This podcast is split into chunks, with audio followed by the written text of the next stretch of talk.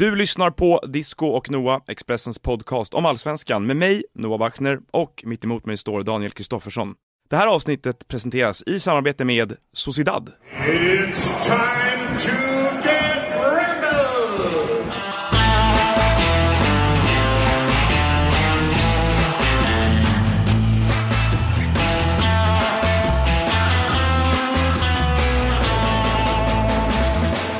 Och när jag säger Sociedad så ser du såklart ut som ett frågetecken Ja. Daniel. Vad i helsike kan jag tänkas mena med det?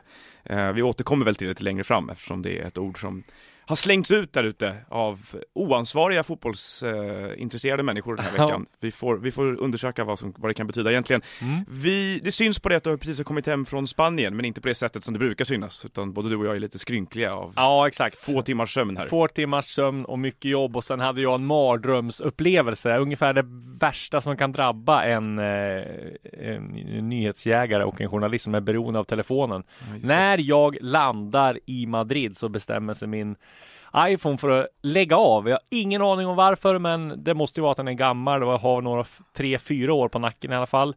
Eh, när jag ska slå på den igen så kommer jag bara till äpplet Ja. och det händer ingenting. Nej, det är dit vill man Eh, inte komma. nej, dit vill, så den startar inte. Och jag försöker med allt starta, alltså hålla inne och starta om och reboota. Går inte. Sen på, ja vad ska jag göra liksom? Det är liksom, man kommer inte in på mailen, ingenting. Så att på söndag förmiddag så åker jag till Apple Store i Madrid. Då är det ju söndag liksom. Det är ingenting som är öppet. Men som, som tur är trodde jag att eh, Apple Store hade öppet och det hade de. Eh, men sitter där i två timmar händer ingenting med telefonen, den är stendöd. Eh, och ja, Men får jag eh, fråga, för du, du blir ju, du, dels så har du ju ett, det är ju ditt absolut viktigaste arbetsverktyg. Ja. Dels så vet jag ju att du kan ju bli väldigt stressad om du inte får nät och såna här grejer. Ja, exakt. Du, jag vet ingen som är lika tidig med att sätta på 4G på ett flygplan innan man har landat som du är. Du börjar ofta, Exakt. du börjar ofta scrolla efter uppdateringar i luften redan Ja, för att se om exakt. den har kommit igång. ja. V- Vilka ord kommer ur din mun här? Nej, men vä- väldigt många. Och, men mest var jag i chock för att jag har ju precis bytt dator också. Ja. Jag har bytt ut min gamla som jag haft i 8-9 år och där hade jag all backup. Så jag kommer på det när jag sitter där att nu har jag, jag ingen backup till den här telefonen. Så att alla mina kontakter är borta om den här inte slås på. Och den slås inte på. Men som tur är så har jag en backup så på två veckor och sen får ju du eller två veckor tillbaka så att alla kontakter och sånt kommer med och du flyger ner. Det är ju sånt flyt också att du Ja. ska ner så du får hämta en telefon och ta med mig ner och så hade jag en backup så att, men det tog, det var ju ett stressigt dygn det får man säga. Ja, Det hade varit otroligt, det är nästan så här som ett groteskt avsnitt att så här, du tvingas sluta på Expressen. Exakt, För att telefonen för att telefonen lägger av. Och då är det inte så att man var klantig och tappar bort den, utan det är bara att den bara Nej. lägger av. Ja, precis, resuméartikeln sen va, därför, avslöja, därför fick han gå från Expressen. Min Exakt. telefon dog i Madrid. Jag var inte till Eh, nytta. Det var äpplets fel. Ingen vet vad han är. Det var äpplets fel. Ja, nej, det var, men i övrigt eh, hade vi ju, även om eh, vi flög eh, eh, lite obekväma tider upp och ner så var det en ganska lugn samling i Madrid. Eh, Ett eh, ganska odramatiskt resultat för Sverige. Den, den liksom mest dramatiska som hände var ju den här otäcka skadan på Viktor Claesson som ju nu verkar vara, Ja, korsbandet är ju av, tyvärr. Att eh, ju... och det kommer ju hemsk timing för honom. Ja. Som alltså, ligger tvåa i skytteligan i Ryssland, är 27 år. Och skulle mot ett klubbyte här i sommar var det. Det Ja. var ju bud på 100 miljoner även fast Krasnodar inte släppte honom. Så nej, det var, man, det hade man varit ett- med honom. ett kap för många lag. Han Ja. har ju mer och mer framstått, och inte, om inte annat i de här matcherna på slutet nu, som en av det här landets absolut bästa spelare och är ju en av de viktigaste pjäserna i landslaget. Ja, verkligen. Det har han gjort mål på mål och framspelning på framspelning och varit kanske, ja, bäst sett över, som du sa, över de här matcherna. Mm. Men eh, det är, han är ju en fantastisk kille och person. Han kommer ut i mixade zonen och pratar med media Mm. på kryckor liksom. Efter att ha fått Jag tyckte synd om honom. Jag, jag avbröt ett av hans svar med att säga du, behöver, du ska inte behöva gissa mer. Man Nej. hörde att han sa, han visste ju inte vad det var heller. Liksom. Han stod där och men såklart eh, förkrossad eh, över att han känner ju att någonting är fel. Han Ja. sa, jag har inte haft allvarliga... Det var också en otrolig sak att säga där. Ja. Han, han, han, han förklarade att äh, mitt ben rörde sig på ett konstigt sätt, det kändes inget bra. Och så tittade han upp och bara men jag har varit skonad från svåra skador och sånt händer. Mm. Hur kan, Ja. man, hur kan man vara så storsint Ja, i det ögonblicket? exakt. Jag skulle känna mig så orättvist behandlad liksom, Ja. på något sätt. Att Ja, man skulle känna att det var jävligt bittert. Men samtidigt om han kanske slår man ut det på en hel karriär och han blir borta Alltså är ju båda korsbandet av som det som Då blir det ett år nästan. säger, då blir det nästan ett år. Alltså Ja. både främre och bakre. Men vi får hoppas att, att det är bara Ja, ett. en otroligt Ja. bra spelare och som du säger en, en ganska sympatisk person också av det man har eh, uppfattat från Viktor Claesson så hoppas han är tillbaka väldigt snart. Ja, annars Eh. en mäktig upplevelse på Santiago Bernabéu. Ja, det var det. Senast jag var där var 2007. Eh, såg, eh, var där privat faktiskt, med familjen och såg eh, Real Madrid mot Santander, eh, eller om det var Sociedad, nej det var nog Racing Santander. Då ställde Real Madrid upp med eh, riktiga Ronaldo, Michael Owen eh, på topp och de hade Beckham, Figo, Raúl och eh, vem kan det vara mer? Måste vara någon jättekänd som jag glömmer nu. Eh, Zidane, Zidane på, på mittfältet då. Roberto Carlos. Nej, det kan han inte gjort 2007. Det här måste vara tidigare. 2007 hade Zidane ändå. lämnat Real Madrid. nej. Hade Kolla, vi, får- vi kan kolla laguppställningen sen. Slutade han inte? Men 2007, Owen var i Newcastle 2007, så Owen var inte med. Nej. Eh, Nu faller din Konstigt. historia så här. Nej, nej, nej, nej, nej. Vi, jag har ju kollat den här laguppställningen. Eh, Eller om det var 2006 jag var där då. Skitsamma. Ja, Strunt samma. Eh, ja, Det är inte, eh, det är inte hela världen. Men det var ett grymt Los Galacticos i alla fall. Ja, det, är De ju... vann med 4-1 och Ronaldo gjorde två mål. minns Det var kittlande, kommer jag ihåg, varje gång man, man såg. Jag var ofta tvungen att gå in och kolla på hur det skulle se ut på Championship Manager på den tiden. När Mm. de hade värvat nästa Galactico där. Man bara, är det sant? Kan de ha alla de här spelarna Ja, samtidigt? Men ja, nej, det var en otroligt häftig arena. Jag Mm. har inte varit där alls tidigare. Eh, Det var en, en superupplevelse. Fotbollsmässigt var det ju ganska Sådär. långtråkigt för svensk Ja. del. De, det var den här matchplanen som man har sett dem ha många gånger tidigare och det är svårt att klaga på den. Mm. Samtidigt så ser den ju rätt hjälplös ut när den inte funkar. Alltså det blir ju ett, lite Alltså vad ska man kalla det för?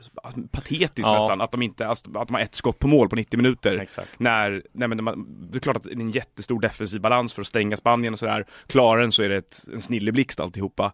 Men när det blir sån här pyspunka och 3-0 ändå, då är det så här, ah, kunde vi i alla fall ha försökt liksom. Mm.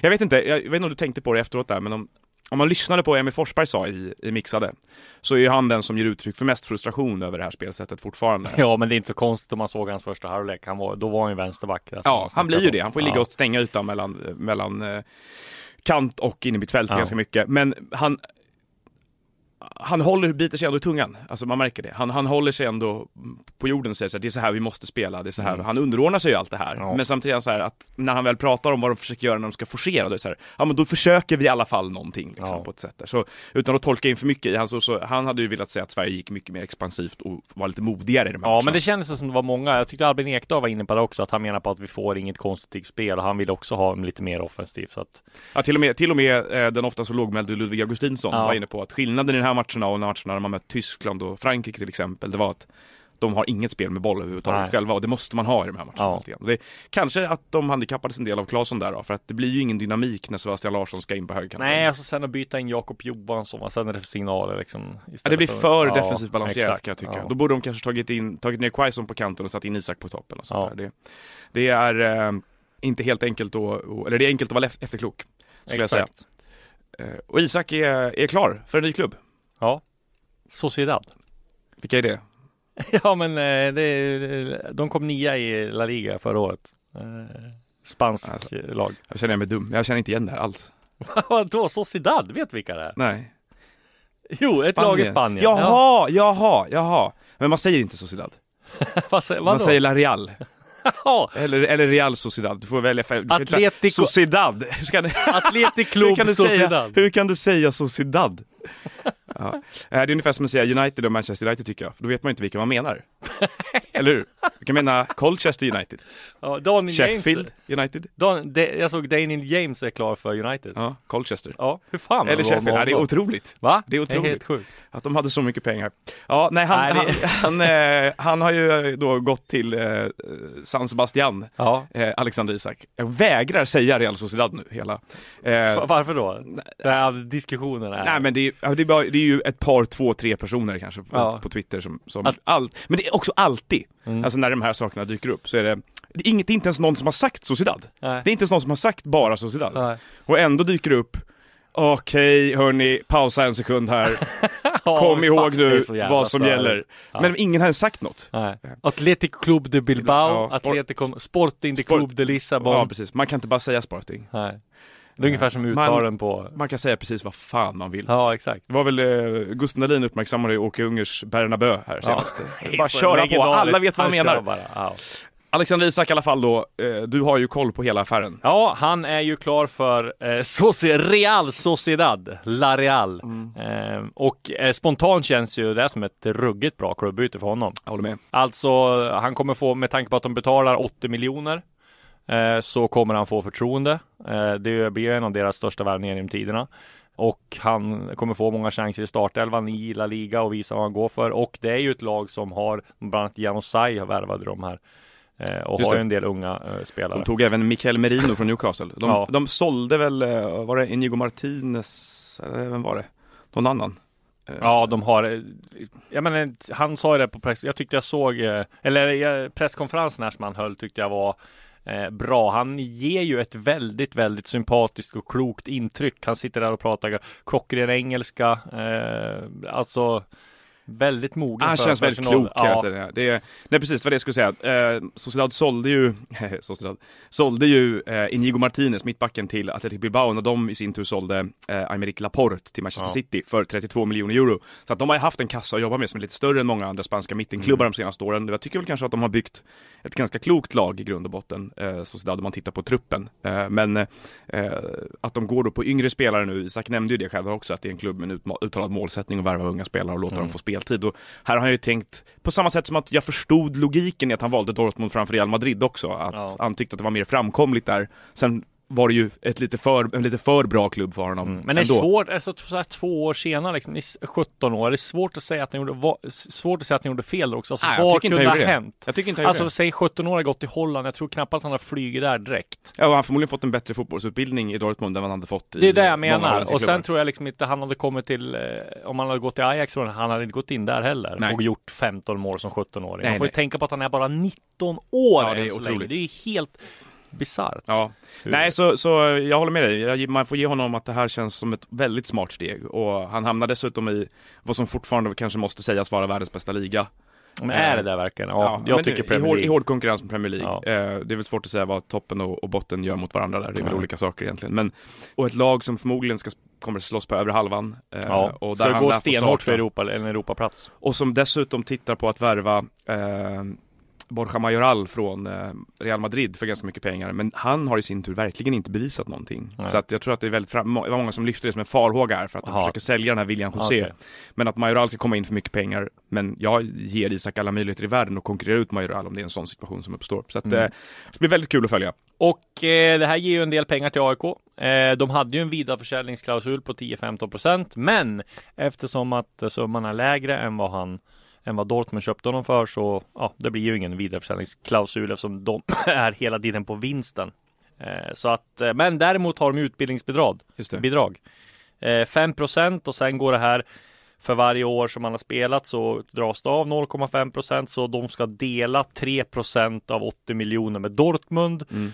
Eh, han har fått sin utbildning i AIK mellan han var 12 och 17 och han har fått sin utbildning i Dortmund mellan han var 17 och 19 så att jag var i kontakt med eh, några i AIK här. De visste inte exakt vad de skulle få men någonstans me- eh, mellan en och en halv och två miljoner Ja. eh, tror de i alla fall att det ramlar in och det är väl ja det är väl eh, sådär om man de hade ju säkert hoppats på att han skulle säljas om två, tre år för 500 miljoner och att Mm. de skulle haft. Men man får ju tänka så här också att AIK fick 90 miljoner för honom då.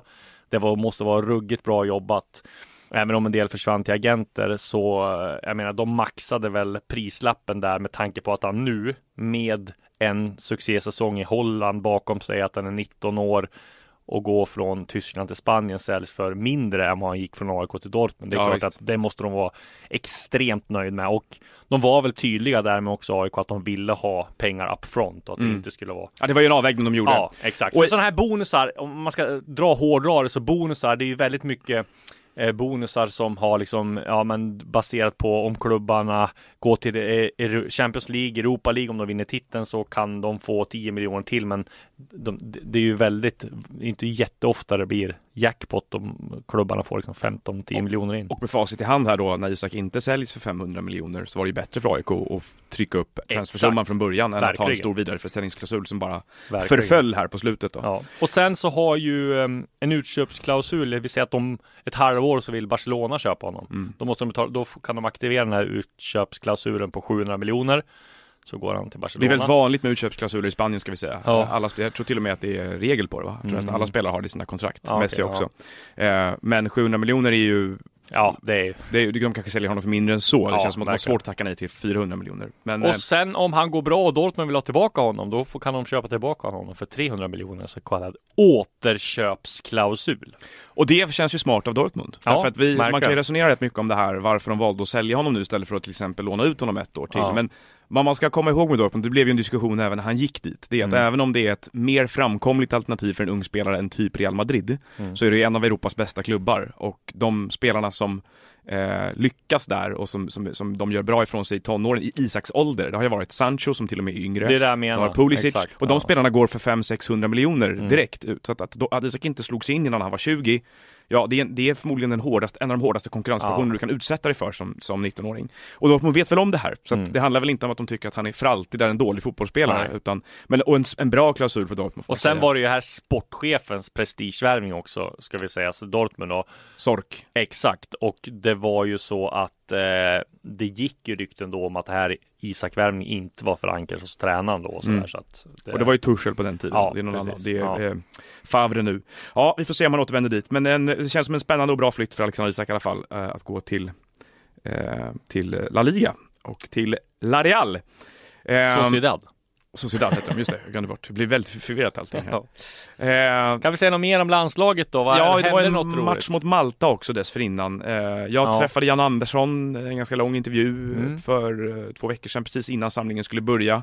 Eh, han var väldigt frispråkig, Mm. det är han ofta tycker jag. Ja. Eh, det gick att få honom att vrida och vända på de flesta ämnen, det var kul. Han gick in och resonerade mycket om att han tycker att allt är en schism nu för tiden. Ja. Eh, så jag försökte få honom att säga spricka, det finns en spricka i landslaget Mm. flera gånger här, vilket han Men det började driva inte. om. Det var inte riktigt det han tyckte. Nej men han eh, han hade långa utläggningar om vad, vilket håll svensk fotboll är på väg åt eh, och att han upplever att det kanske kommer fram en annan spelartyp nu men han drog inte för stora paralleller mellan det och, och till exempel konstgräsdebatten. Eh, som han, Nej. jag lyckades ändå få honom att gå in på den också. Ja. Han, och, han och Peter Wettergren tycker tydligen väldigt olika i den frågan eh, och de diskuterar det ganska ofta.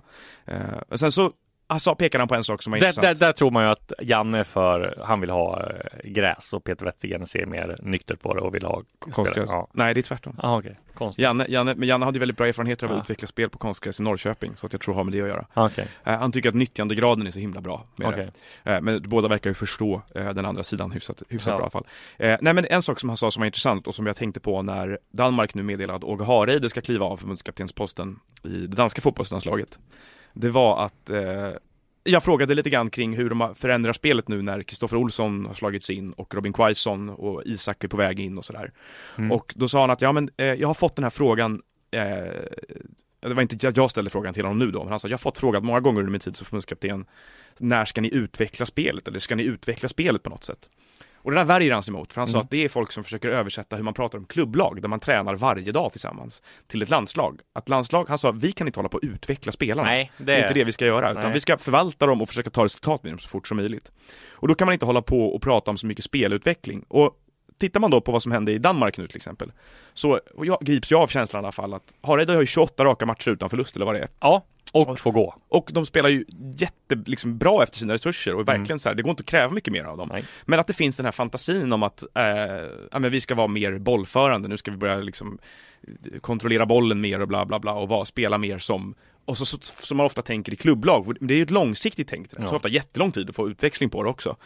Att det är en lite landslagstankevurpa att hålla på på det sättet och att Ja, det kanske viktigaste insikten hos den här landslagsledningen det är att inte, för det var ju lite krav på Hamrén också, vi ska vara lite skönare nu, liksom. Ja. vi spelar lite mer. Offensivt och utveckla. Ja, under- exakt. Och det där, det där verkar ju eh, den här landslagsledningen inte direkt vara speciellt pigga på. Och det tror jag är väldigt bra. Har du något mer eh, från landslagssamlingen som, innan vi släpper den? Nej, vi det var väl eh, det, all, det mesta va? Du har skrivit Lagerbäck förbannad här. Ja, men Nu? det var ju, nej men det var ju, det var ju eh, den från eh, Nigeria.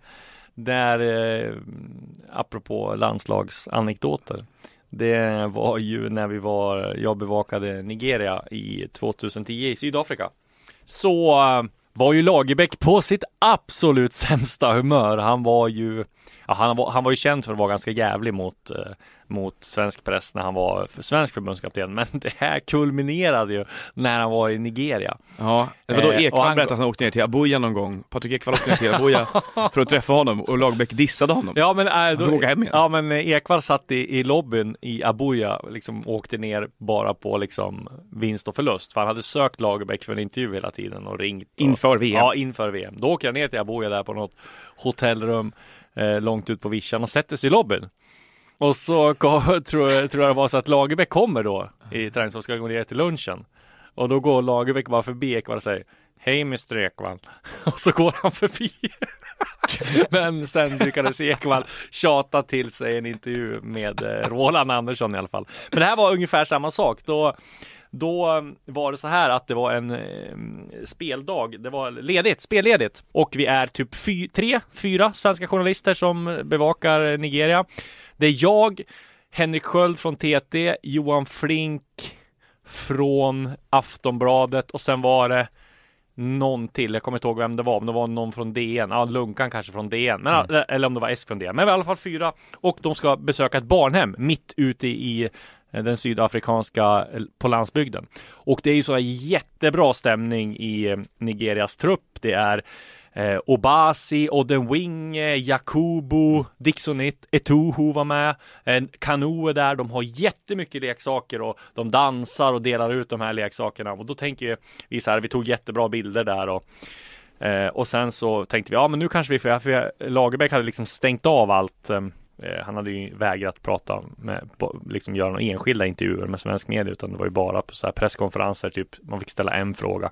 Och då tänker vi, ja nu har vi ju chansen, det är så här glad stämning. Så eh, kan vi få vi eh, fyra svenska journalister då, som har åkt med där två timmar mitt ute i djungeln. Kan vi få ett snack med Lagerbäck? Så går vi fram och, och så, ja, hej Lasse, liksom, kan vi, kan vi få fem, tio minuter med dig? Nej, då blir ni orättvist vist mot de nigerianska journalisterna, säger han då. Så att då får vi ingen intervju där. Nej. Men vi lyckas tjata till oss en intervju med Roland Välkommen till Coolbet där spänningen aldrig tar slut och underhållningen står i centrum. Här får du inte bara Sveriges bästa fotbollsodds, du får också en spelupplevelse som är rättvis, transparent och framförallt rolig. För oss handlar det om mer än bara spel. Det handlar om att ta en paus, att våga chansa och att kanske vinna stort. Det oväntade gör varje ögonblick unikt. För dig över 18 år, stödlinjen.se. Andersson. Det är alltid han som får ta den istället. Ja, eh, och då, ja, då säger vi Roland, ja du, ni får eh, fem, tio minuter. Och så börjar Flink ställa eh, första frågan. Då har Flink skrivit någon artikel som Roland Andersson är förbannad över för typ ja, några dagar sedan. Och då börjar alltså den här fem minuters eh, intervjun med att Roland Andersson står och skäller ut Flink i tre minuter. Så att vi fick väl fyra minuter med Roland Andersson sammanlagt, eh, svenska journalisterna där. Så att eh, det var eh, bizarr upplevelse. Märkligt. Men Bråka med Lars Lagerbäck i... Ja, Lagerbäck har Sydafrika. Eh, Han har ju blivit gladare och lugnare med åren känns det som. Han Men- har inte det här mediakriget längre. Men han ska också lämna sin roll i landslaget, verkar det som. Ja, han är 70 bast nu så Mm. att eh, Han verkar klar med det här. ja, han verkar Kanske, klar det är med bara Finland kvar i Skandinavien, sen har tränat alla skandinaviska landslag. Se om man Ja. orkar med det också. Exakt. På tal om Nigeria så eh, spelade de ju eh, igår mot Sydkorea i eh, damernas VM i Frankrike, eh, som eh, har börjat och där Sverige gjorde en väldigt disciplinerad insats mot Chile, får man säga. Var imponerande att komma ut efter det där regnavbrottet och eh, åska och blixtar och allt möjligt Ja. eh, och ändå trycka dit 1 och 2-0. Trots att de här, eh, PSGs målvakter, det var Endler som stod i mål där Chile, var ju Ja, det är fantastiskt inte ofta man ser en match bli avbruten av vädret. Nej men det var väl tredje gången det här Ja. mästerskapet tror jag. Ja, Otroligt märkligt. Ja. Ja. det är, ska vi ha en klimatdebatt kanske? ja exakt. Det är extremväder. Eh, nu väntar Thailand eh, i, i match två. Som förlorade med 13-0 ja, mot var, USA. Och det blev ju en världsnyhet, mest på grund av hur mycket de amerikanska spelarna firade. Ja, exakt. Eh, och det tycker jag är, det där är, jag står verkligen helt och hållet på en sida, jag tycker det är trams, de får fira på hur mycket de vill. Ja, Det, är, det är värre med det här pitti tjafset, att man ska tycka synd om laget man spöar. Som, jag vet inte, jag irriterade mig på det med Manchester City Mm. ja det är i år. VM faktiskt. De slog, de slog Burton med 9-0 ligacupsemi. Ja. Då, skulle, då skulle de hålla på och liksom, Burton är ett fantastiskt lag, de gjorde så bra ifrån sig. Ja, det är som att ditt barn har förlorat Ja, och du, liksom, du säger du var bäst ändå fast ni Ja. förlorade med 300-0. Fira på! Jag tycker det var Mm. helt rätt. Det- Thailand får bli bättre på fotboll helt enkelt. Ja. Det, det, är liksom, det här är inte Sankt Erikskuppen. Eh, anyway, det var inte det jag ville prata om, utan eh, för vi har ju faktiskt en hel drös utsända reportrar som är i Frankrike och Mm. bevakar det här, eh, och fyller både tidning och sajt med precis allt ni behöver veta om det här mästerskapet. Eh, utan jag vill prata om eh, ett fenomen som är ganska kul i de här tiderna. Eh, det är nämligen försvarstalen. Mm. För inom, inom herrfotbollen, eh, och där inkluderar jag då hela utbytet och pratet om fotboll som finns mellan spelare och tränare och journalister och fysioterapeuter och supportrar och korvgubbar och, Mm. vad, vad du än vill. Så finns det ju en fråga som kommer som på beställning när det är dammästerskap till exempel. Och det är, såg du matchen? Ja. Ko- kollar du? Ja. Och det direkt sprider sig ofta nervositet. För att de flesta vet alltså, kan jag svara nej? Ja, Eller, är det, och om jag gör det, då måste jag nog förklara varför jag inte kollade. eh, och, och det där blir ju väldigt liksom, det blir väldigt mycket laddning och, och ja, det här, reaktionerna, det finns ju en parallell att dra här, reaktionerna går rätt snabbt över till att man känner sig trängd. Och nästan lite anklagad att ha fått frågan överhuvudtaget. Kollar du inte på damfotboll typ? Ja, men, och, så, och då blir det, det är lite som de här, du vet, samma, det väcker samma tanke som när det är internationella kvinnodagen och några, några alltid känner sig nödgade att säga, ja för finns det ingen internationell mansdag? Nej. Alltså det är lite samma, det är lite samma, samma tendens där på något sätt. man känner sig lite utpekad. För Ja, att, ja. Ehm, och eh, nej men, eh, så om man, man då pratar om det här och så säger man såg du matchen, eh, så, så uppstår direkt lite nervositet, lite rädsla.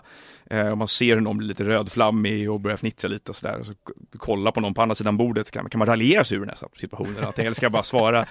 Eh, och, och så känner man sig lite förbannad efter ett tag där. Och så blir det ofta sådär att ja, nej jag kollar inte, men vad fan är problemet om jag inte gör det? Måste man kolla eller? Som att det är det som har varit frågan, du Ja. kollar väl? Ja. Sådär. Och det har ju nästan aldrig varit frågan, det är ingen som har krävt att någon ska kolla Nej. på det här någonsin.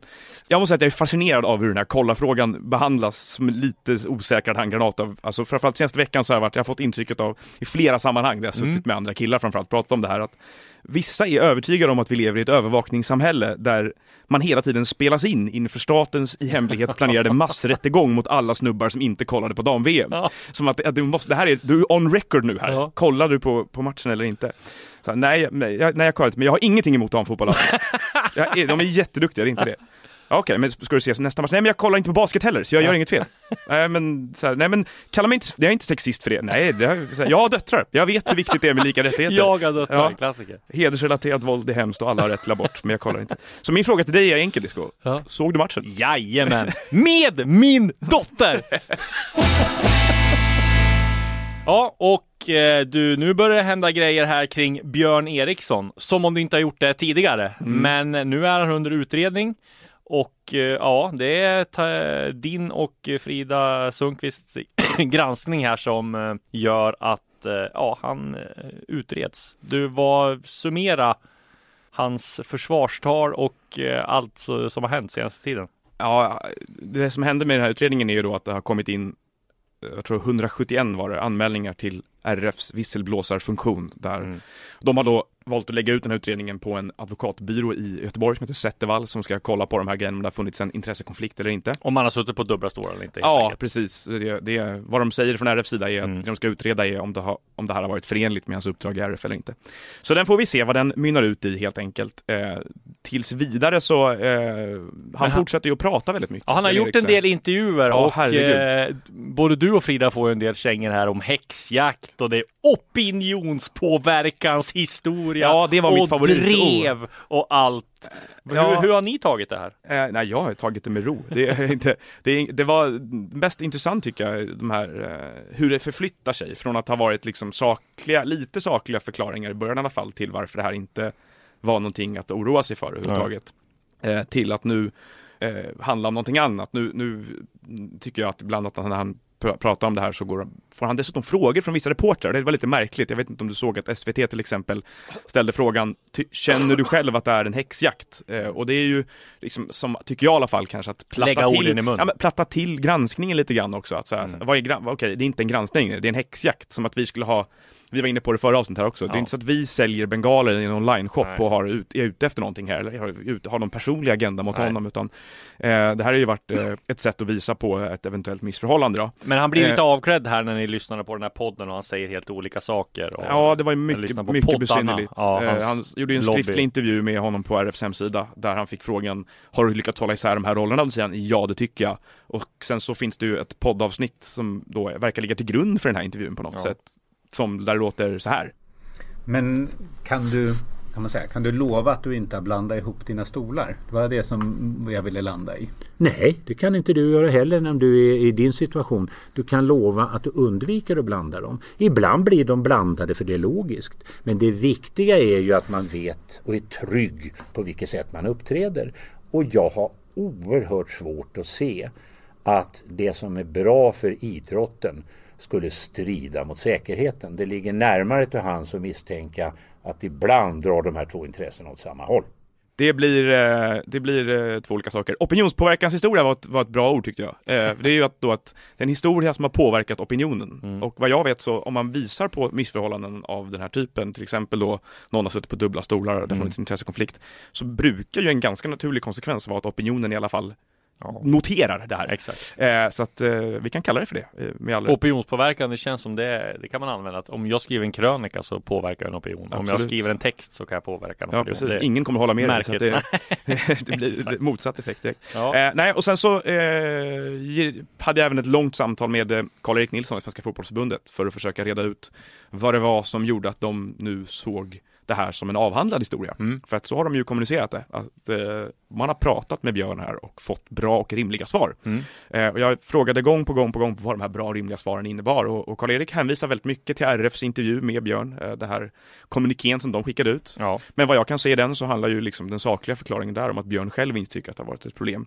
Eh, så jag ställde ett par eh, frågor till Karl-Erik gång på gång, försöka förstå vad det var som, eh, som låg till grund för deras uppfattning då. Och så kommer jag tillbaka till den här förklaringen. Alltså det är den som jag fortfarande inte får, får någon bild av riktigt. Eh, hur förklarade Björn att de där rollerna hållits isär i det, i det sammanhanget som jag beskrev för dig? Med hjälp av den redogörelse som Riksidrottsförbundet presenterade igår till samtliga specialförbund och som presenteras på deras hemsida, plus de samtal vi hade tillsammans, så tycker vi att vi har fått en sån rimlig förklaring som vi kan acceptera och därmed gå vidare. Okej, och det, så det hänvisar till det han säger till Riksidrottsförbundets hemsida helt enkelt i den intervjun där. Ja, plus de, plus de samtal vi hade själva också med honom i, i förra veckan och i samband med Riksidrottsmötet. Så det är mer eller mindre då att Björn själv tycker att han har hållit isär rollerna, för det är det han säger till hemsidan.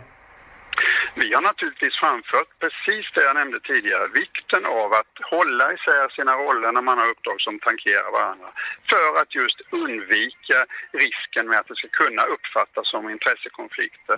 Och vi har fått garantier för framtiden som gör att vi känner oss trygga. Och det är framtiden som är viktigast. Framtiden och omsorgen om våra supportrar i relation med polisen. Och längre så kommer man inte Nej. riktigt med det här just nu. Eh, men vi fortsätter, vi jobbar fortfarande med det här. så ja. att, eh, och vi får väl se vad, vad den den här- här utredningen kommer fram till. Ja, precis. Ja, det är ju inte bara Alexander Isak som byter klubb eh, ur det svenska fotbollsbeståndet, utan det är eh, med stor sannolikhet fler spelare, Disco. Eh, Verkligen. Du kan väl berätta vad du har bestämt Det- att det ska hända i sommar, eftersom det här är upp till dig. Nej men det finns ju en del, framförallt som vi ska börja med, med ehm, landslaget då så är det ju Mikael Lustig här som lade ut en ehm, video på Instagram eh, där han ser ut i alla fall, han skriver ju inte rätt ut men han tar farväl av Celtic. Och eh, ja, jag har fått höra lite bakgrunden här kring det där och han har väl inte, han var väl ganska öppen med att han inte blev schysst behandlad av klubben. Han hade ju en eh, option, eller klubben hade en option som de kunde utnyttja och de skulle ge svar 31 mars. Och där sa väl, hade väl som jag fattar har väl klubben sagt till eh, Lustig att ja men det är lugnt. Vi, vi, eh, vi tar inget beslut nu men vi vill ha kvar dig liksom. Och sen kommer de för typ två, tre veckor sedan och säger att nej, det blir ingenting. Så att eh, han, eh, han var nog förbannad och eh, han, det är ju såklart, han har varit där sju och ett halvt år. Att de ska behandla det på det viset känns, känns inte riktigt korrekt då. Men har det här att göra med deras tränarbyte? Nej, absolut inte. Alltså Neil Lennon vill ju ha kvar Lustig. Alltså det är ju inte där. Det är ju klubbledningen som, som, som har tagit det här beslutet som jag. Sen- Över huvudet på tränaren? Ja, absolut. Och Neil Lennon kom ju in och hade ju, fick ju ett kontrakt på 12 månader, ett rullande kontrakt liksom. Så att, eh, eller rullande, men ja, tills vidare. Mm. Så att, nej, det känns mycket märkligt. Och då har ju Malmö bekräftar han ju, som vi har snackat om här i podden, som erbjudit han ett kontrakt. AIK är intresserade. Men vad jag hör så är hans första alternativ att stanna utomlands då. Så vi får väl se vad som händer. Vi vill ju ha hem Lustig som profil till Allsvenskan, men eh, vi får väl se vad han får för. En rolig grej med Lustig i senaste landskampen, eller matchen mot Malta, det var ju Mm. att eh, när Jan Andersson bytte in Isak först så skickade han honom rakt över planen till Lustig för att Mm. kolla hur det var med honom. Ja. Och Lustig bara, det är lugnt. Ja. Och så springer Isak upp på topp och, och spelar vidare. Och sen kommer Sebastian Larsson in en stund senare Ja. och då skickar Janne honom igen bort till Lustig Ja. och frågar, hur är det med dig? Och Lustig bara, det är lugnt, jag ser bara ut så här efter 80 minuter. Så när han kom ut i mixade sen så, så var det så här, bara, du, åkte du på någonting? För Janne var orolig för det. Ja. Ja. Nej, det, jag, det, jag bara ser ut så här när jag spelar fotboll. Det är tyvärr inte roligare än så. Men eh, taskigt. vill, han, vill han ge igen då på Celtics ledning här så går han ju raka vägen till Rangers. Det hade varit kul. Vilken grej. Det vågar han nog inte. Nej, det tror inte jag. Nej, men eh, trist för Lustig som blev extremt populär. Det var ju bara att kolla på det där Instagram-inlägget. Det fick ju 4000 kommentarer typ och alla liksom Ja, men han dem. har ju kultfigurs-aura eh, verkligen. sig. Så att eh, hemåt till Allsvenskan hade varit kul, men eh, det tyder alltså inte på det. Nej, inte i nuläget i alla fall. Och sen är det lite grann om Djurgården. Där har de satt en prislapp på Jesper Karlström som har utgående kontrakt. Eh, kommer någon klubb som kan erbjuda lite drygt 5 miljoner så får han gå. Och vad kan vi tänka oss där då? Där har, han har ju spelat upp sig väldigt mycket i år, men det känns ju Men inte som en han- spelare som går någonstans än till Danmark. Nej, men samtidigt, nej precis, han är ju central mittfältare, gjort 12 matcher, en assist. Mm. Eh, det är ju inte tillräckligt bra för att få något speciellt bra kontrakt utomlands. Nej. Jag tror inte det är någon klubb som betalar 5-6 miljoner. Nej, Då får väl hans agent jobba stenhårt i så fall. Men annars så tror jag inte Djurgården har något problem med att han spelar kvar säsongen ut och går som bossman heller. Nej. Eftersom han förlängde med tre, tre år för, ja, tre år sedan. Mm. Å andra Två och sidan ett så halvt år sedan. känns- känner- kan jag uppfatta honom som en spelare som har liksom vunn, övervunnit vissa liksom, spelmässiga motgångar i Djurgården Ja. och även en del tvivel och sådär Ja. för att bli ganska populär nu. Och att det Ja. skulle liksom passa alla parter om han stannade. Ja, Alltså, men förstår han, menar? var, han var ju väldigt tydlig med att han ville bort där. Jag kommer ihåg någon januari-turné som han var med på så sa han ju att ja, hoppa. Ja, att han vill Alltså, utomlands ja, självklart. precis, ja. men, men eh, jag menar bara för, om man tittar på, han Ja, ja, passar handsken så känns det som att han, det fanns, finns många skäl till att han skulle stanna. Är det mer i Djurgården? Händer det något mer där? Eh, nej, det tror jag inte. Jag tror så här. Djurgården kommer att ha ett extremt lugnt fönster. Sen kommer de eh, sitta lugnt i båten fram till slutet av sommarfönstret och då tror jag de kommer lägga ganska mycket krut på eh, och pengar på en anfallare. Eh, och då är det väl typ Emir Kujovic eller någon sån hemvändare eller i den kalibern som de försöker värva. Då. Ja. Eh, och sen är det ju inte helt säkert för jag hör att Buya Turay är kvar hela, så han säger att han ska ha kvar hela lånet ut. Men ja, jag tror det var lite fram och tillbaka där så att eh, vi får väl se vad som händer där. Men troligtvis stannar han, men det är inte helt hundra. Och sen Det låter ju lite konstigt om jag får säga det. Alltså, Ja. det låter ju som att man tittar på det här laget så har de ju överpresterat under våren, Mm. eh, sett till hur bred truppen är, Ja. Mm. framförallt längst fram i planen. De, bo, de behöver ju spelare. Ja. Ja, de behöver framförallt anfallare. Ja. Men det är väl där de går för då. Om de får behålla Bo- Boja, vilket allt tyder på. Men sen kanske de värvar en anfallare, annars kanske de värvar två. Mm. Men samtidigt, det som krävs om Boja ska dra någonstans, det är att någon klubb köper honom. Och har man sett de senaste fem, fyra matcherna så, så tror jag inte han är så speciellt attraktiv. Han gjorde ju väldigt bra ifrån sig i början där, men kanske inte så mycket på slutet. Nej.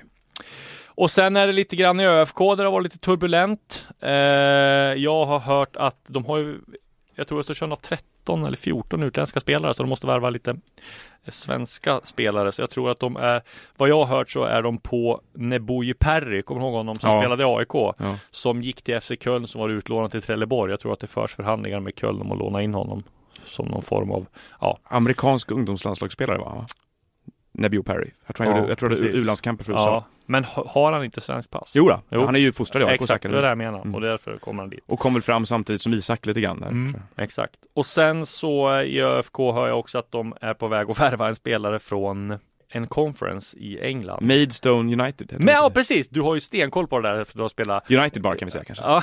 Han är på väg från United. Eller, Ma- Maidstone. Eller Maidstone. Ja, det kan man inte säga, det vet man inte vilka du menar.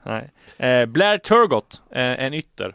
Mm. Som då kanske blir ersättare i Curtis Edwards. Hur länge lever det här eh, revival av för detta talanger i storklubbar i England-spåret för ÖFK? Ja, det, men, Det känns ju som att facit börjar ebba ut. exakt. Och framförallt med tanke på eh, fiaskot med Ravel Morrison. Ravel Surfers Morrison Mm. och även Charlie Colkett och alla de här har inte varit speciellt lyckad. Nej. Så att ja, en upp till vis för David Webb och Burchnell. Burchnell hörde jag fram, vi har ju pratat om hans, Mm. han sitter säkert, eh, vad jag har hört. Han sitter säkert, ja, det är inte aktuellt. Nej, inte aktuellt. Och Webb?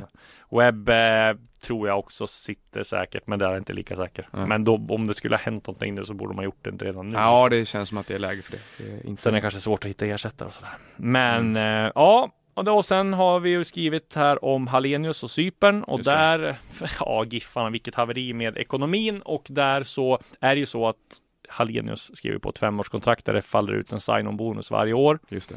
Och det är klart att då tar ju de här klubbarna chansen. Det, cy- det cypriotiska budet var ju på två miljoner bara. Och det var ju ja, ett skambud. Men såklart, de tar ju chansen och Var från Apollon, eller hur? eh, Apoel Nicosia. Apoel Nicosia. Ja.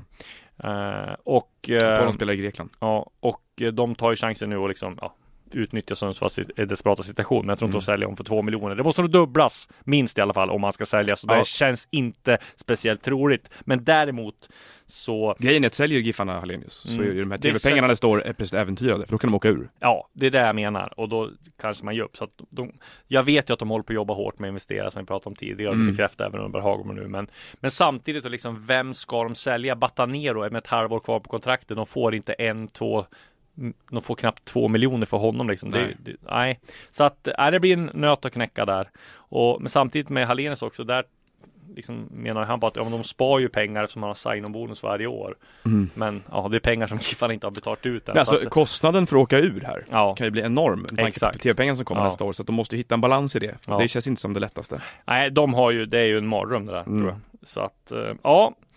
Men det var väl all silly season för nu. Vi Ja. får väl, eh, vi återkommer här på sajten och i alla Det låter sociala ju medier. ganska lugnt. Djurgården hade någon äh, anfallare inifrån, uh, var kom han ifrån då? Zimbabwe eller Zambia? Zambia. Zambia. Precis, provspel. Men det är, ju- han är ju inte 18 än så att det är inte aktuellt att värva Nej. än. Det blir väl en Edward Chi- Chilufa Light som jag, som jag fattade.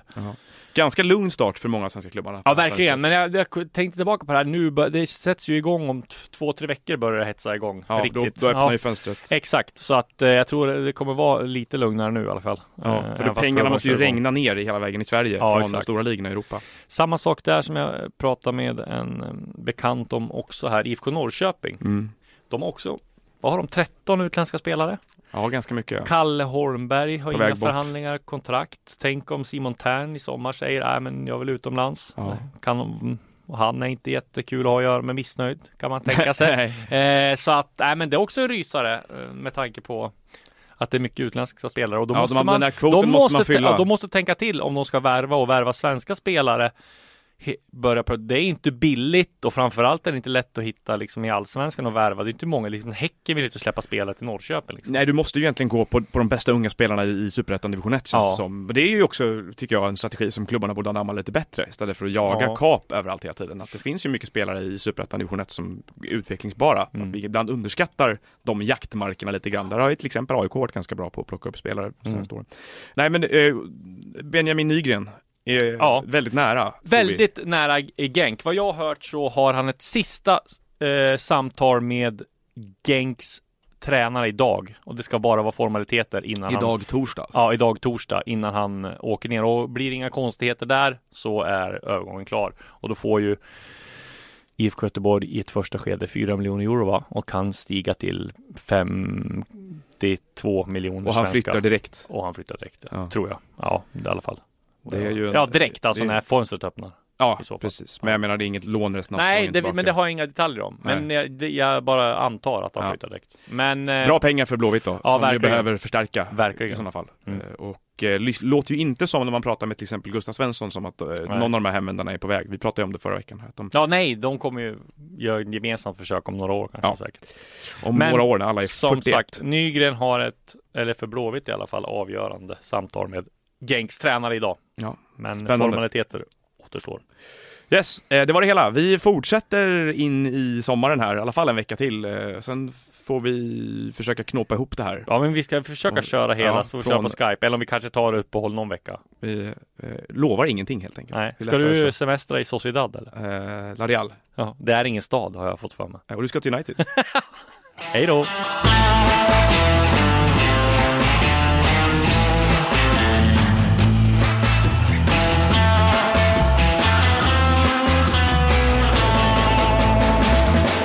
Du har lyssnat på en podcast från Expressen. Ansvarig utgivare är Thomas Mattsson.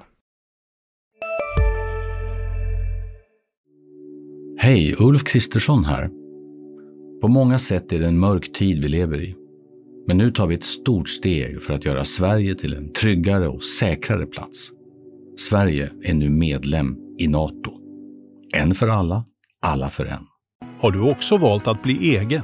Då är det viktigt att skaffa en bra företagsförsäkring. Hos oss är alla småföretag stora och inga frågor för små. Swedeas företagsförsäkring är anpassad för mindre företag och täcker även sånt som din hemförsäkring inte täcker. Gå in på swedea.se företag och jämför själv.